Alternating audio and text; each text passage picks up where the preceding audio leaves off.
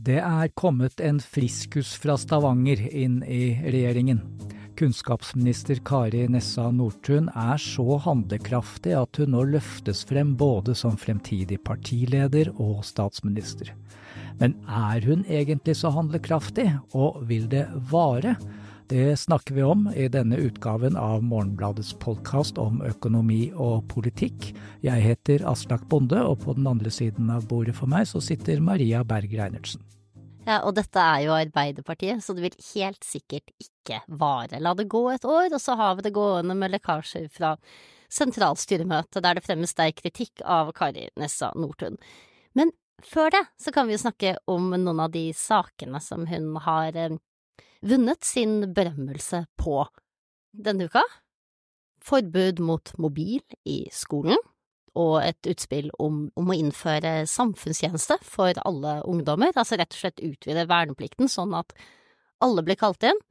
Og i tillegg til de 8000 som i dag utfører militærtjeneste, så kan man fylle på opp, la flere utføre militærtjeneste, og de andre kan gjøre annet samfunnsnyttig arbeid. Så vil hun jo flytte russetiden, til etter eh, eksamen. Og ikke minst, og det var vel kanskje der hun slo igjennom som det største sånn uarbeiderpartiske kuppet sitt, det var jo da eh, bystyret i Stavanger før kommunevalget i, eh, i fjor vedtok gratis buss for alle Stavanger-døler, kan du si det, de som er hjemmehørende i Stavanger, i flere måneder før valget. Nettopp. Og det som er Vi skal snakke om flere av disse sakene. Vi, eh, det blir jo litt skolepolitikk, hun er kunnskapsminister, men vi skal også snakke om de andre sakene som hun har løftet fram. Men før det så, så synes jeg det er litt interessant å snakke om hennes metode, fordi det går an å, å liksom si at hun skiller seg faktisk litt fra andre toppolitikere. Okay. Eh, denne uken da hun, ja det er helt sant, denne uken da hun eh, presenterte denne anbefalingen om eh, mobilforbud i skolen, så ble hun jo straks konfrontert med at det er jo bare en anbefaling, og det kommer ikke til å endre så mye, hvorfor, går du ikke, eh, hvorfor vedtar du ikke en lov? Og så sa hun bare at ja, men det tar jo årevis å vedta lover, vi ville gjøre noe nå, vi hadde ikke tid til å vente.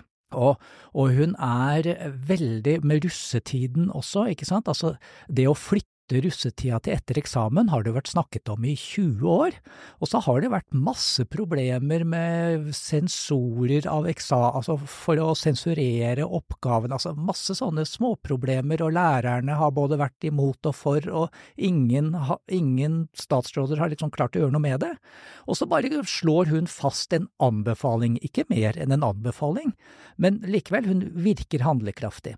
Og så velger hun saker, og dette er jeg blitt fortalt av folk som er nær henne, så velger hun saker som helt bevisst er slike som det er mulig for folk flest å forholde seg til. Ikke sant? Er du for eller mot gratis buss, er du for eller imot uh, samfunnstjeneste, er du for eller imot mobil i skolen? Og, og det som er blitt meg fortalt, og som jeg syns er superinteressant, det er at dette er veldig bevisst, fordi det er så mange saker i politikken som er superkompliserte, og når politikerne snakker om dem, ikke sant, pensjonssystemet, sykehusstyringen og sånn, så, så er det veldig mange velgere som egentlig føler seg dumme, fordi det er jo så ekstremt mye de skal sette seg inn i, og det virker fremmedgjørende, det virker sånn at rett og slett man hører ikke hva denne politikeren sier. Så det vil jeg faktisk si er en metode som en følger, og som inntil videre er veldig, veldig effektiv, da. Ja, og jeg synes det er veldig interessant det du sier om metoden hennes, da, for den virker jo faktisk sånn på meg. Jeg merket det da jeg leste om det her forslaget om eh, samfunnstjeneste og verneplikt for hele ungdomskullet. 60 000 hvert år, eh, at jeg umiddelbart ble engasjert. Det var fordi at jeg syntes det var skikkelig dumt, og så lurte jeg samtidig på om kanskje er det litt smart også. Og det kan vi snakke mer om uh, hvorfor det er dumt og smart. Ja, for nå skal vi gjøre det så vanskelig at folk kan føle seg fremmedgjort. Ja, ja, ja, ja, det skal vi. Uh, for at vi er jo ikke på valg. Uh, så no, noen må ta den, den, jobben også. Da vi er nisjen for de som har lyst til å bli fremmedgjort når de hører på podkast. Nei, men, men, det jeg tenkte, var det at denne, denne vernepliktdebatten Det som er interessant med den, er det at et av argumentene da, fra Nessar Nordtun, og ikke minst uh, Stavanger, altså det partilaget hennes i Stavanger, som er de som har foreslått det her offisielt, da, uh, det er jo altså det er et sikkerhetspolitisk argument. Uh, Norge trenger flere folk i Forsvaret. Men det er også et sånt argument med at man trenger arbeidskraft. Så derfor er det fint at de som ikke da velger seg til Forsvaret, de kan fylle på, særlig i helsevesenet er det vel snakk om, at en da ser for seg at dette pliktåret med samfunnstjeneste skal foregå.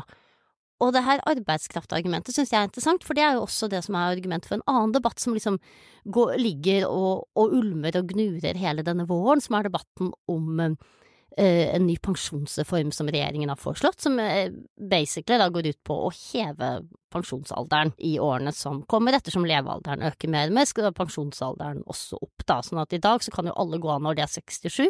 For de som er født ut på 90-tallet, så kan det være at du ikke har muligheten til å gå av uansett før du er blitt 70 år. Det er en ganske dramatisk greie, ikke sant? Men det er en debatt som det er skikkelig vanskelig å få tak på, for det første. For det, er ikke sånn at man liksom øker pensjonsalderen i én jump, der man lar det følge levealderjustering. Som Mimi Kristiansson kommenterte i en veldig sånn god kommentar om det her i Klassekampen, så betyr det at liksom alle du får ikke noe sånn, Det er vanskelig å lage en koalisjon, da, for at liksom hvert kull med folk vil ha sin pensjonsalder å, forholde seg til, ikke sant. Så så, man, så interessene vil gå litt sånn på, på, på, kryss og tvers. Det er vanskelig å skjønne uh, hvem som har tjener og ikke tjener på dette. Regjeringen sier de som uføre, blir uføre før de går av med pensjon, tjener. Det er jo uh, mange grupper i fagbevegelsen sterkt imot og mener at nei, de vil tape, ikke sant. Og så har du det gående og så mye at vi, da, selv vi, liksom podkasten for, uh, for, vanskelighet og fremmedgjøring, har jo bestemt oss for at dette må vi utsette snakk om til vi har lest oss opp på regjeringens beskrivelse av, den, av denne reformen, ikke sant? Mens eh, dette med å øke, øke, altså innføre samfunnstjeneste for alle eller ikke, ikke sant, det er et kjempeenkelt forslag som alle kan diskutere og som ikke rammer noen av oss som diskuterer det. Mm. ikke sant? Dette er jo fremtidige generasjoner i stor grad. Men vi må jo si, punkt én, vi må si at uh, Kari Nessa Nordtun hun har bare støttet det. Det er fremmet av Stavanger uh, Arbeiderparti, og uh, flere andre i Arbeiderpartiet er for dette. Og Ola Svenneby var vel ute, unge Høyre-lederen, så Ja ja, masse folk som ja, får det med en gang, ikke sant. Det er ikke sånn du må si at du må lese og utrede sånn som den er pensjonsreformen. Det er sånn dette kan du si med en gang. Ja, høres smart ut. Men de som har sett litt mer systematisk på det, de er jo mye mer forsiktige. Totalberedskapskommisjonen så på dette, eh, og de kom til at det var for vanskelig å gjennomføre. Fordi en ting er eh, altså det er vanskelig å lage systemer for å få, få ungdommen inn det ene året på sykehjem, i barnehager, alle disse stedene. Helsepersonellkommisjonen har også sett på det. Eh, de kom vel til at vi må se om vi skal vurdere, utrede forslaget. Ikke sant? Så, så det er jo langt frem, og det er eh, relativt komplisert å få det til.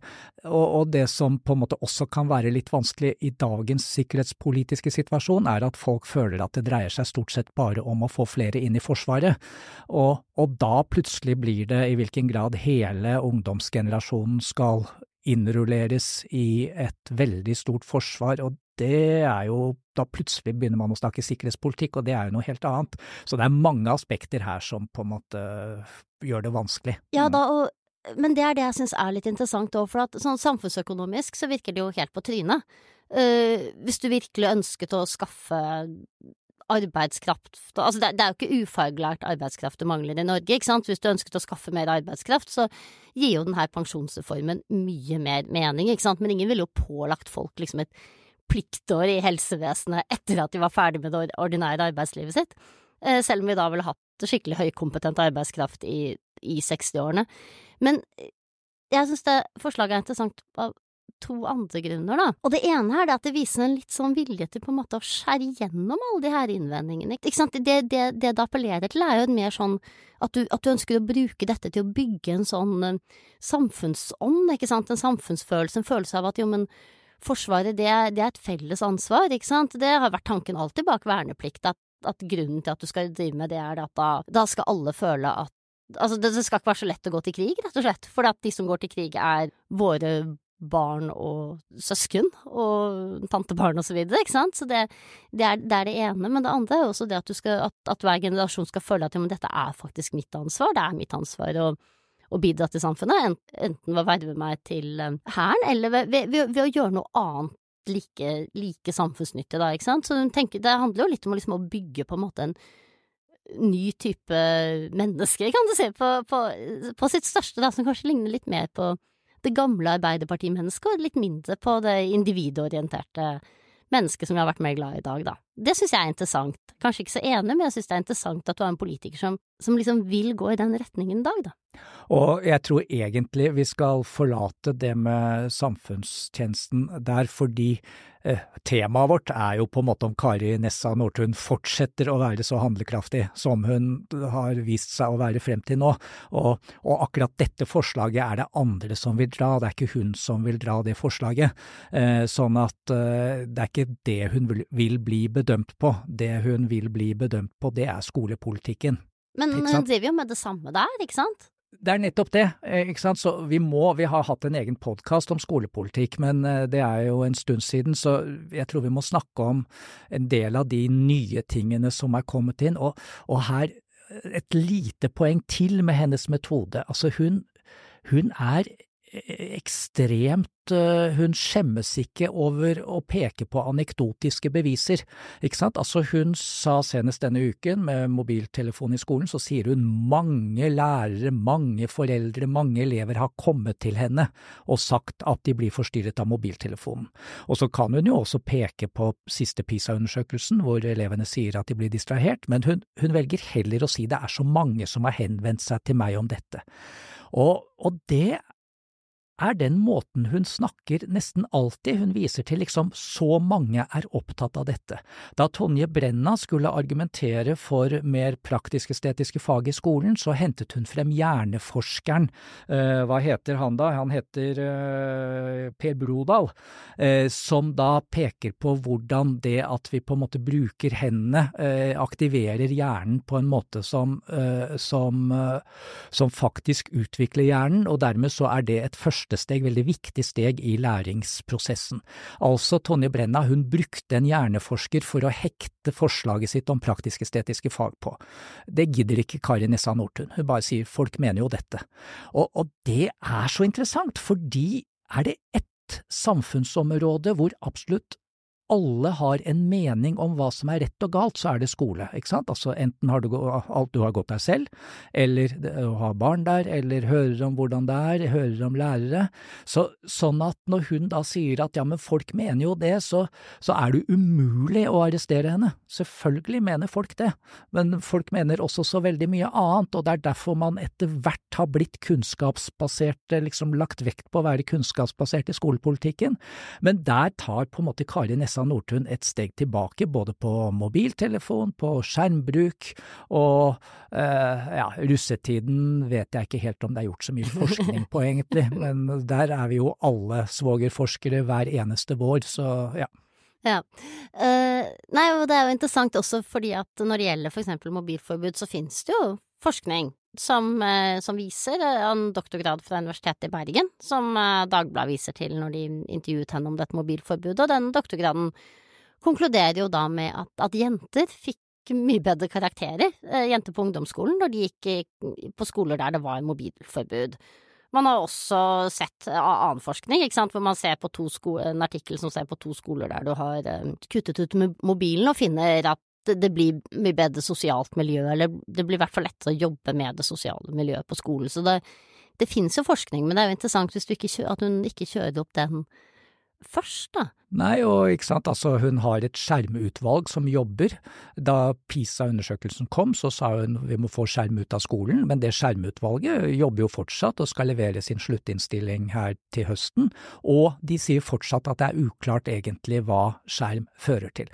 Og så har vi Oslo-skolen som denne uken bestemte seg for å, å bestille abonnement på ChatGPT, ja. ikke sant, altså hvor jo lærerne sier at vi er jo nødt til å bruke de nye AI AI-verktøyene.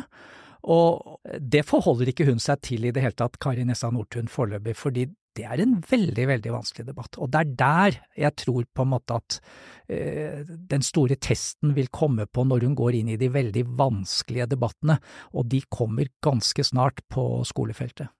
Men eh, det jeg lurer litt på her, da, når det gjelder, hvis vi holder oss til det, det som er enkelt å diskutere, ikke sant, altså da mobil, mobilforbudet i skolen, det er jo om, om hun kanskje gjør akkurat det vi egentlig forventer at den politiske skal gjøre, for nå har vi diskutert dette kjempelenge. Vi har forskning som kan gi støtte for det ene, kanskje finnes det noe forskning som gir støtte for det andre også.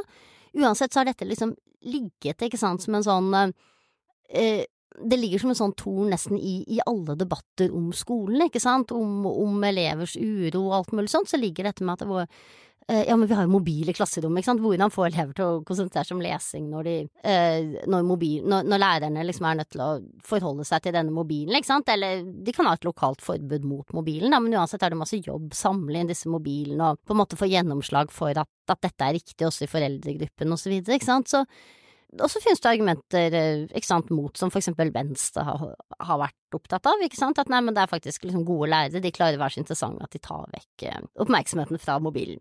Og Barneombudet, ikke minst, som kom denne uken og sa at uh, barna må jo høres, altså mange av dem er jo nær myndighetsalder. Hvorfor er det, ikke, er det ikke en deltakende prosess her?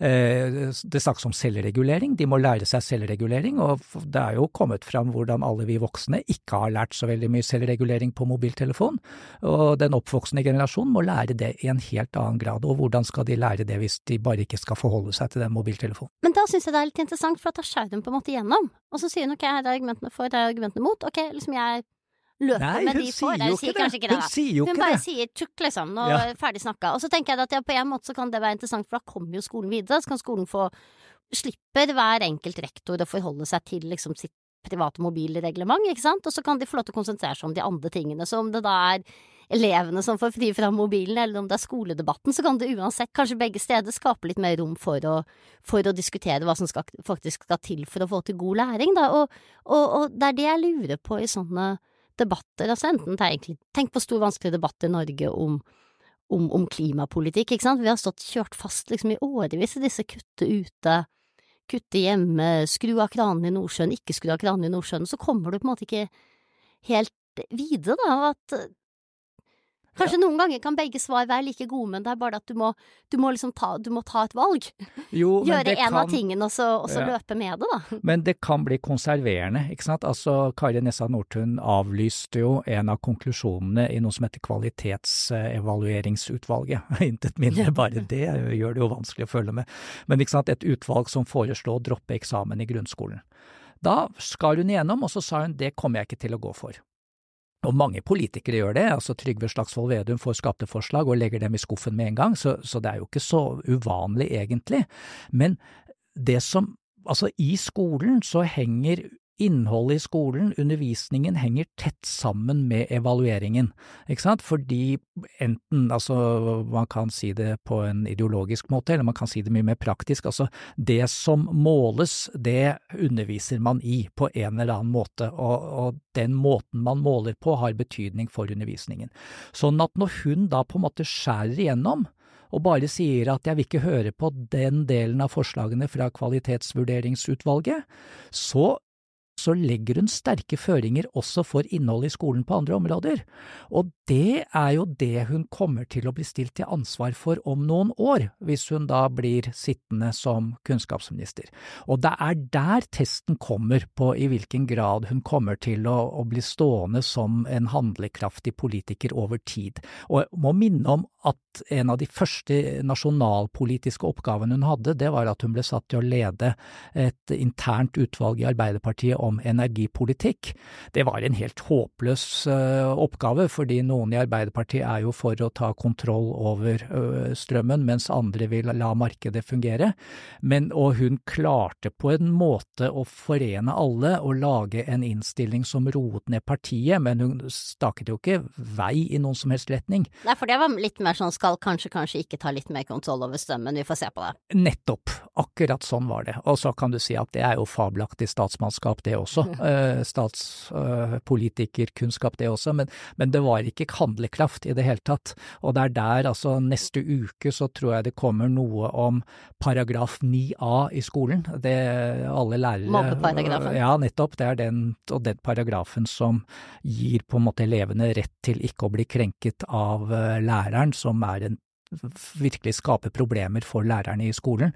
Og, og, det er kjempevanskelige problemstillinger. Eh, veldig, veldig vanskelige. Og nesten uansett hvor hun havner, så kan det bli feil. Så det er da testen kommer, ikke sant. Men, men, men det jeg er litt nysgjerrig på, da, er, for jeg, jeg, følger deg der, liksom, hun, hun, har ikke, hun har ikke vunnet ennå, men det jeg er litt nysgjerrig på med henne som politikertype, det er det om, om hun kan, være, altså, kan, være, en politikertype som rett og slett er liksom klar for å ta et lite oppgjør uh, med den statusen som frihet har hatt, i synet på hvordan vi liksom skal møte barna og ungdommene våre, ikke sant, for at nettopp denne elever skal bli hørt, barns medbestemmelse, barns liksom evne til å ta Altså det er mye snakk om på skolen at de skal lære å ta gode valg, ikke sant, alt dette springer ut fra en tanke om at vi, vi respekterer unge menneskers frihet, ikke sant, og, og, og setter det veldig høyt. Og, selv, og venstresiden har jo på en måte lenge vært på det løpet med at man har ofte argumentert for selv for de reguleringer vi har, ikke sant, enten det er arbeidsmiljøloven eller det er høye skatter, ikke sant, med at jo, men det, det, bidrar til mer individuell frihet, for da kan du krangle med sjefen uten å miste jobben, og øh, hvis du blir syk så må du ikke selge huset, ikke sant, for du får statlig finansiert helsevesen og sånt. Så man har ofte argumentert for at liksom reguleringer gir en annen form for frihet, og så tenker jeg at det syns jeg kanskje at den veien går liksom ikke hun.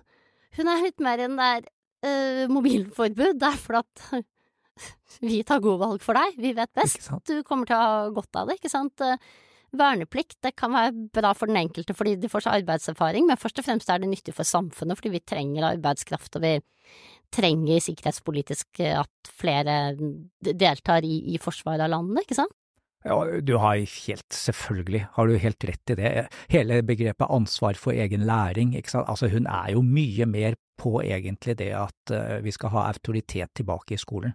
Så det, det er helt sikkert riktig. Og og bevares, det kan jo gå virkelig bra med både henne og skolepolitikken og Arbeiderpartiet hvis det fortsetter på denne måten. Jeg vil ikke avskrive det. En ting til, hun snakket om barnehager, private barnehager, eh, for en eller to uker siden, eh, hvor eh, hun vil begrense deres rettigheter.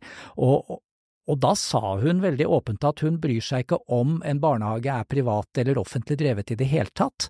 Ikke sant? Det er utelukkende et praktisk spørsmål, og det er sånn type argumentasjon som ble ført i Jens Stoltenbergs tid, og som det nye Arbeiderpartiet, de har vært mye mer ideologiske, og hun virker ikke ideologisk i det hele tatt egentlig på det. Så ja, da bevares det masse spennende her. -hmm. Men uh, helt til slutt, altså Arbeiderpartiet har jo hatt et sånt voldsomt forbruk av kronprins og kronprinsesser under Støre, ikke sant? Det var Trond Giske og Hadia Tajik. Eh, I vår var det Tonje Brenna og Christian Vestre som eh, var det nye kronprinsparet. Nå er det Kari Nessa Nordtun. Eh, er det noen grunn, tror du, til at eh, hun kan holde litt lenger enn de andre? Jeg eh, aner ikke. Og det første, første punkt er jo hva vil hun selv? Vi vet jo ikke om hun vil la seg nominere til Stortinget. Det er en forutsetning for at hun skal gjøre karriere, selvfølgelig. At hun sier ja til å be om stortingsplass fra Rogaland. Hun er trebarnsmor. Mannen jobber i en grunnskole i, i eller rundt Stavanger, og det er ingenting som tyder på at hun eh, egentlig har lyst til å flytte til Oslo. Eh, det er et element, tror jeg, at faren hennes han var stortingsrepresentant i veldig mange år, og han var jo ukependler. Jeg tror kanskje det har minsket hennes lyst til å være ukependler, rett og slett. Eh, så, det er godt mulig hun ikke vil selv. Så det er det første forutsetningen, og så får vi se, altså Arbeiderpartiet er som du startet med å si, ganske uforutsigbart. Ja, vi gir oss der. Takker for eh, i dag. Er tilbake neste uke. Produsent for denne podkasten var Emma Rødli Johnsen. Ansvarlig redaktør var Sunn Heidi Sæbø. Vi har jo også fått oss en e-post. Uh, hvis du har innspill eller kritikk eller um, ting du rett og slett ønsker at vi skal snakke om. Det er, for å gjøre det vanskelig, politikk og økonomi i ett ord at morgenbladet.no. Ha det bra.